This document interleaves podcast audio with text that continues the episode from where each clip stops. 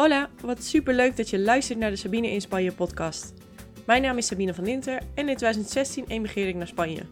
Een grote stap die ik aan iedereen aan kan raden. Mijn doel met deze podcast is dan ook om jou te inspireren en te helpen bij het leren van de Spaanse taal. Ik deel mijn ervaringen met je over het leven in het buitenland en alles wat daarbij komt kijken. Vamos! Hey, wat leuk dat je luistert. Zoals je waarschijnlijk al wel aan de titel hebt kunnen zien, wordt de aflevering van vandaag iets anders dan normaal. Ik heb het normaal over redelijk luchtige thema's en de leuke kanten van het emigreren. Maar vandaag wil ik het met je hebben over juist die vervelende kanten en um, hoe je bijvoorbeeld om kunt gaan met verlies en rouw als je in het buitenland woont.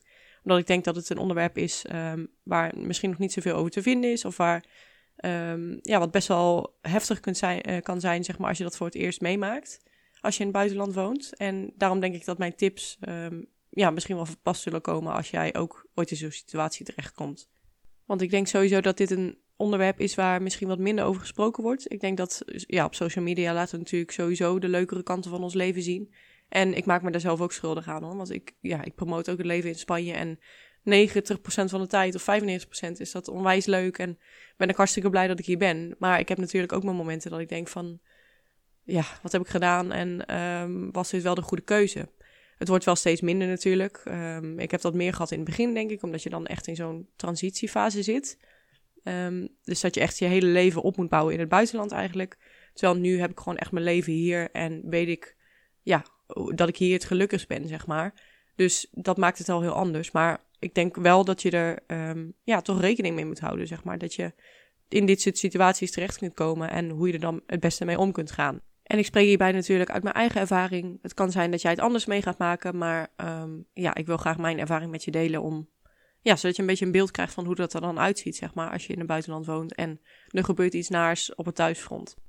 En ik heb eigenlijk meerdere keren zo'n situatie gehad, um, waarvan eentje er echt wel uitspringt als een van de ergste, zeg maar. Um, ik heb altijd gedacht, ook toen ik naar het buitenland verhuisde, van oké, het ergste wat kan gebeuren is dat ik een telefoontje krijg dat er iets mis is thuis. En een aantal jaar geleden kwam er zo'n telefoontje. En ik weet nog goed dat ik toen op werk zat. Ik, uh, het was denk ik een uur voordat ik naar huis zou gaan. Toen kreeg ik op een gegeven moment een appje van mijn vader volgens mij. Die zei van, oh, kan ik je even bellen of kun je mij even bellen? En uh, ik zei toen van, oké, ik zit nu nog op werk, dus is het goed als ik dat straks doe. Dus ik rustig naar huis gegaan en uh, ik mijn vader gebeld dus.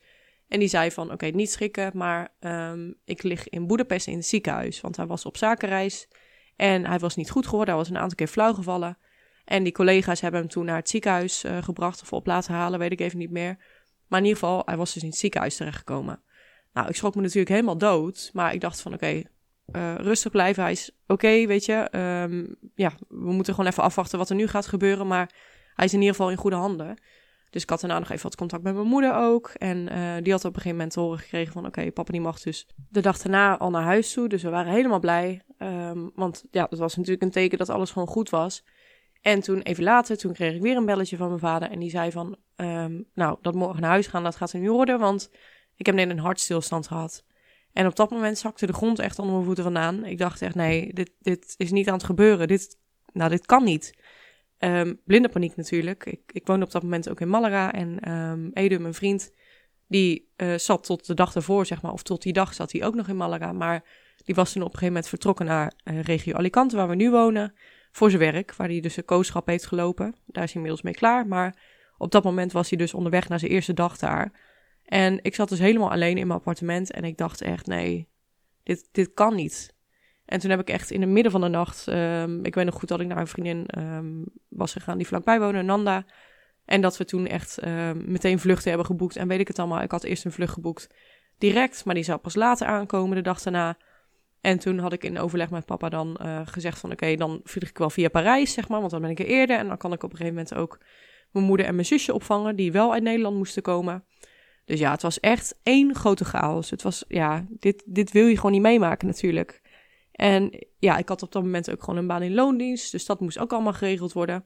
Zal ik zo meteen ook nog wel even wat tips voor geven van hoe kun je daarmee omgaan, zeg maar. Um, maar het was echt, ja, echt een nachtmerrie gewoon. En ik ben dus de dag daarna ben ik naar um, Hongarije gevlogen. En daar heeft papa dus in het ziekenhuis gelegen. Heeft hij een, um, een pacemaker gehad, een ICD. En um, ja, dat was dat eigenlijk. Hij werd geopereerd. Het was ook echt zo'n naar ziekenhuis. Ehm, het was een militair ziekenhuis, dus ja, werd wel onwijs goed verzorgd. Maar het was echt zo'n heel kil gebouw. En ja, geen fijne plek gewoon. Dus het is ook echt wel, ja, ik denk best wel traumatisch geweest ehm, om hem zo te zien. En ik weet nog goed dat ik daar aankwam dan. En dat ik door een aantal collega's van hem werd opgehaald. Ehm, en die me dan naar het ziekenhuis leidden, zeg maar. Want ja, uh, je komt aan in Hongarije en je hebt geen idee natuurlijk van wat, ja, waar moet ik heen. Uh, dus wat dat betreft was de begeleiding op dat moment was super fijn. Um, maar het is echt allemaal in één roes voorbij gegaan. En ik, ik kwam toen op de kamer en toen lag hij daar ook echt tussen mensen. Naast hem lag een man die echt, uh, ja, zonder been of weet ik veel. En de andere die, uh, die was op een gegeven moment, weet niet wat ermee gebeurde. Maar in ieder geval echt zo'n hele, echt zo'n zaal, zeg maar. Waar echt van alles aan de hand was. Dus het was echt geen fijn zicht. Um, maar goed, uiteindelijk allemaal goed gekomen. Hij is toen, um, dus heeft hij dat, uh, dat apparaat gehad. En toen was het weer klaar en kon hij weer naar huis, zeg maar. Dus ja, uh, wat dat betreft was het even schrikken natuurlijk. Maar uiteindelijk is het allemaal goed afgelopen, waar ik echt onwijs blij mee ben natuurlijk. Um, maar het was wel echt, ja, dat moment was echt het ergste, denk ik, wat ik heb meegemaakt. Als in, um, ja, je krijgt een telefoontje en er is iets mis. Maar goed, daar bleef het niet bij. Um, op een gegeven moment, een aantal jaar later, toen uh, was eigenlijk in het begin van de pandemie, echt op het toppunt, zeg maar, net ervoor. Toen, ja, ik weet niet eens, niet eens meer wat de aanleiding was, maar toen had hij op een gegeven moment ergens last van. En toen is hij naar het ziekenhuis gegaan en um, daar werd hij eigenlijk weer weggestuurd. Of naar de, de, huisartsenpost of zo, hebben ze wat onderzoek gedaan. En toen bleek dat de ontstekingswaarden in zijn lijf dus echt onwijs hoog waren. Um, en ik liet dat toen aan mijn vriend zien, Edu, hij is arts. En die zei toen echt van, nou, dit is echt niet goed hoor. Maar ze hadden hem dus wel weggestuurd bij die huisartsenpost. Dus ja, uiteindelijk is hij weer bij het ziekenhuis gekomen. En daar bleek dus inderdaad dat hij echt, ja, gewoon echt meteen geholpen moest worden. En um, er stond een operatie op de planning waarbij ze dus um, de, die, die pacemaker die hij eerder had gehad, de ICD, daar was dus een bacterie op die draad komen te zitten. Die uh, draden die liepen in zijn hart. Wat dus betekende dat die ICD eruit moest worden gehaald. En die operatie was ontzettend risicovol, want omdat die draden dus in het hart lopen, kunnen ze zomaar iets kapot trekken en dan zou er een open hartoperatie uh, nodig zijn geweest. Um, ik ben toen naar Nederland gevlogen ook natuurlijk. Um, hij moest in Utrecht geopereerd worden. En ja, dat was gewoon super heftig, want bij die operatie was het dus echt toen... Uh, heeft de cardioloog heeft, uh, op dat moment ook echt tegen ons gezegd van ja, bereid je voor op het ergste, zeg maar. Want het kan fout gaan. Het is een risicovolle operatie. Het is niet zoals bij dat implanteren van zo'n apparaat, zeg maar, dat, um, ja, dat er weinig risico aan verbonden zit. Maar omdat, ja, omdat die draden dus echt in het hart liepen, was het gewoon heel risicovol. En was er dus een risico dat hij zou overlijden tijdens de operatie. En ja, dat was, oh, nou, dat was echt kerst op de taart, zeg maar, met het hele verhaal met de ICD. Um, super heftig ook. We hebben toen echt, ja, onbewust toch denk ik afscheid genomen van hem ook. Terwijl achteraf heeft het gelukkig is het goed afgelopen en was die operatie goed gegaan. Maar ja, het was wel echt onwijs kloten natuurlijk om weer zo'n circus in te gaan eigenlijk van um, ja, medische uh, operaties en weet ik het allemaal. Maar goed, dat was dus goed gegaan. En um, toen moest hij voor de tweede keer geopereerd worden om dus weer een nieuwe uh, ICD erin te zetten. Maar dan een, uh, eentje die zeg maar niet bij zijn hart zou zitten. Um, dus ja, die operatie die was wat minder risicovol gelukkig. En toen ben ik op een gegeven moment in de tussentijd, want er zat een tijd tussen zeg maar, moest dus herstellen. En toen ben ik in de tussentijd naar Spanje gevlogen. En toen brak dus de pandemie uit en toen hebben ze de grenzen dichtgegooid. Dus op een gegeven moment stond die operatie gepland en kon ik dus niet terug naar Nederland omdat de grenzen dicht waren en er dus geen vluchten waren. Nou, op dat soort momenten denk je ook echt van Jezus Christus. Um, ja, waarom, waarom zit ik hier? en toen voelde ik ook echt van, ik heb het nooit echt als een uh, limiet ervaren of zo, zeg maar, of als een uh, beperking ervaren uh, om in het buitenland te zitten. Zeker niet in Spanje, want ja, je bent er met 2,5 uur vliegen, maar op dat moment, omdat dus ook inderdaad op de weg, um, ja, geen, dat je niet met de auto ook naar Nederland kon, want ze waren bij de grenzen aan het controleren. En in Spanje liep ook echt een leger op straat. En toen dacht ik wel echt van, oké, ja, als er nu iets gebeurt, dan ben je gewoon echt de zak, zeg maar. Um, want je kunt niks. En gelukkig is dat nu allemaal voorbij en is het weer een beetje terug naar normaal natuurlijk. Maar op dat moment was het wel heel heftig. Maar goed, ja, daar gaan we dus nu even niet vanuit dat dat nog een keer gaat gebeuren. Ik geloof niet dat het nog een keer gaat gebeuren. Ik hoop het niet. um, want ja, dat is gewoon niet te doen. En um, ja, dat was dus een beetje het verhaal rondom mijn vader. Ehm, daarnaast heb ik het natuurlijk, ehm, ja, ik weet niet of je mijn laatste podcastaflevering hebt geluisterd, maar daar heb ik het over hoe mijn oma in het ziekenhuis terecht is gekomen. Een dag voor oud en nieuw. En hoe we nu eigenlijk nog steeds, ze ligt er nu nog steeds, maar ja, ze is eigenlijk gewoon aan het sterven. En ik zit nu in Spanje. Ik heb wel afscheid van haar kunnen nemen, gelukkig. Maar op dat soort momenten denk je ook van, ja, waarom zit ik er niet gewoon dichtbij? Dan wil je gewoon op dat moment, wil je gewoon natuurlijk dichtbij zitten. Maar je hebt ook je dingen in Spanje waarmee je verder moet. Dus dat maakt het gewoon zo lastig. En daar, ja, daar krijg je ook een onwijs schuldgevoel van. Waar ik straks ook nog even wat tips voor zou geven. Maar goed, dus uh, met beide oma's heb ik eigenlijk zo gehad dat ze dus in het ziekenhuis kwamen. Maar dat ik nog wel afscheid van ze heb kunnen nemen. Um, ja, mijn ene oma is dus nog niet overleden, maar dat zal niet heel lang meer duren.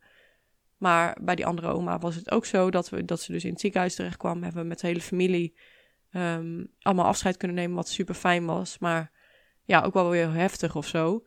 En drie maanden geleden, toen kreeg ik een telefoontje um, terwijl ik onderweg was naar een bruiloft in uh, Granada.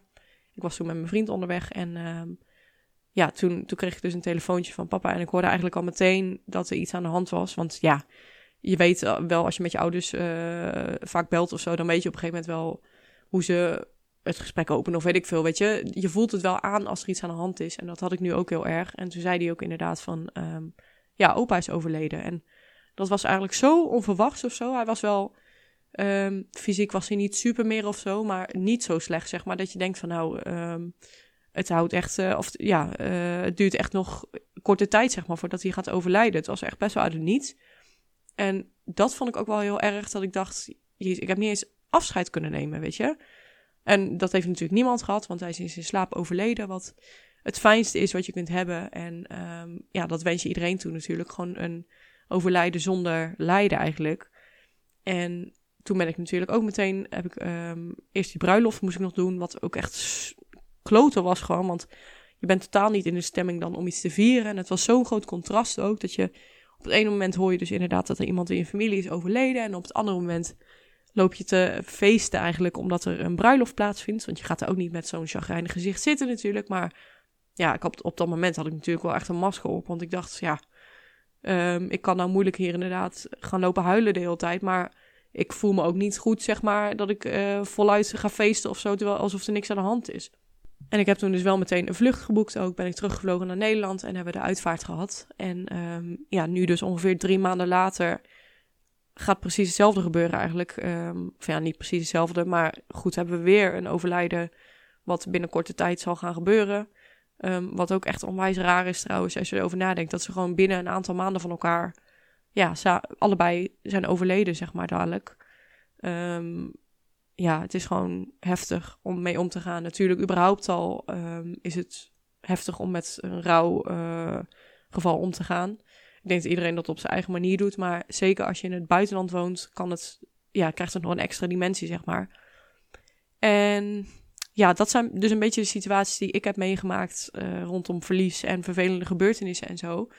Dus ja, nu zal ik je wat tips gaan geven over hoe je hiermee om kunt gaan als jij ook in zo'n situatie terechtkomt. En um, dus ook inderdaad overhaast terug naar Nederland of België of waar je dan ook familie hebt zitten, um, terug moet vliegen en dat er van alles geregeld moet worden en zo. Um, ja, op zo'n moment moet er dus inderdaad moet je van alles gaan regelen. Er moet een vlucht geboekt worden. Je moet met werk regelen, je emoties uh, onder controle krijgen. Het is gewoon heel heftig, maar je moet denk ik wel rationeel proberen, uh, proberen na te denken en dus alles op een rijtje gaat zetten van oké, wat moet er gaan gebeuren? Um, wat voor actie kan ik ondernemen op dit moment? Wie moet er geïnformeerd worden? En probeer het gewoon zo goed mogelijk op een rijtje te zetten. Want als je echt puur in die emotie blijft, zeg maar, dan weet je op een gegeven moment ook niet meer. Ja, dan, dan wordt het gewoon één grote chaos. Dus probeer het voor jezelf op een rijtje te zetten. Wat zijn nu de stappen die je kan nemen?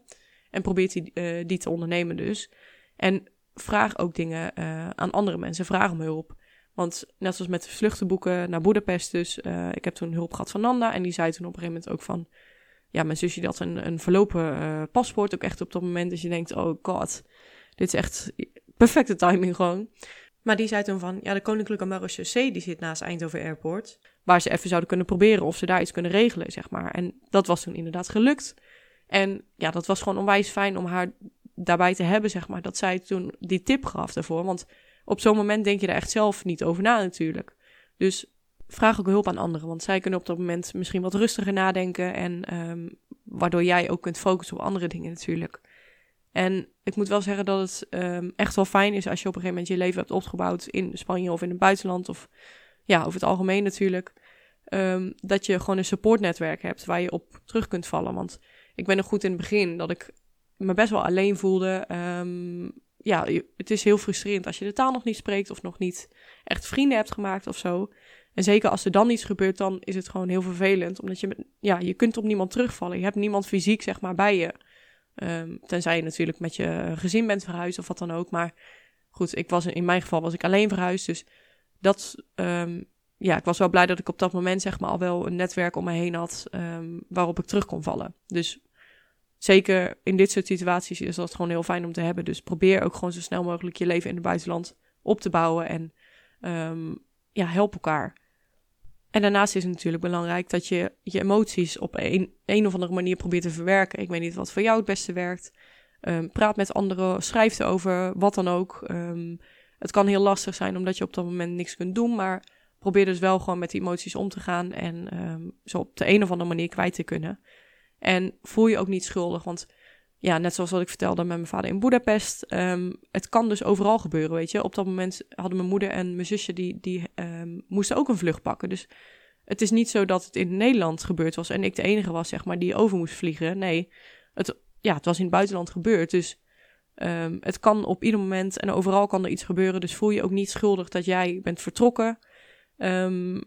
Ja, het is een keuze die je hebt gemaakt en die je volledig moet omarmen, denk ik. Er zitten heel veel leuke kanten aan dit zijn de minder leuke kanten, maar um, je kunt er ook niet altijd zijn voor iedereen. Dus ik denk dat het juist heel krachtig is als jij voor jezelf kunt kiezen. En de keuze maakt inderdaad om naar het buitenland te verhuizen, omdat het iets is wat jou heel gelukkig maakt. En ik denk alleen maar dat, um, ja, dat de mensen om je heen alleen maar trots op je zullen zijn. Dat je die keuze hebt gemaakt, van je eigen geluk hebt gekozen. En dat, je het, ja, dat ze het dus ook niet kwalijk nemen als er een keer iets gebeurt en je bent er niet meteen. En over het praktische, dus over dingen regelen. Ik wil je wel aanraden om, um, als je dus inderdaad in Spanje woont of waar dan ook, om geld proberen apart te zetten voor dit soort noodgevallen. Zodat als het nodig is, dat je op ieder moment terug kunt vliegen. En um, ja, dat het op dat gebied zeg maar geen problemen zal opleveren. En nu moet ik wel zeggen, um, ik werk natuurlijk nu voor mezelf. Ik heb een bedrijf met mijn vader. Maar ja, dat maakt het onwijs makkelijk eigenlijk om in dit soort situaties je snel aan te passen. Ik hoef eigenlijk als ik een telefoontje krijg nu alleen maar mijn koffer te pakken, een vlucht te boeken en ik ben weg. Ik heb aan niemand verantwoording af te leggen over dat ik op kantoor moet zitten of zo. En ik denk dat het nu um, ook makkelijker is, omdat we door de pandemie natuurlijk heel veel remote zijn gaan werken. Dus misschien um, zit je nog wel in loondienst en um, werk je daardoor veel vanuit huis.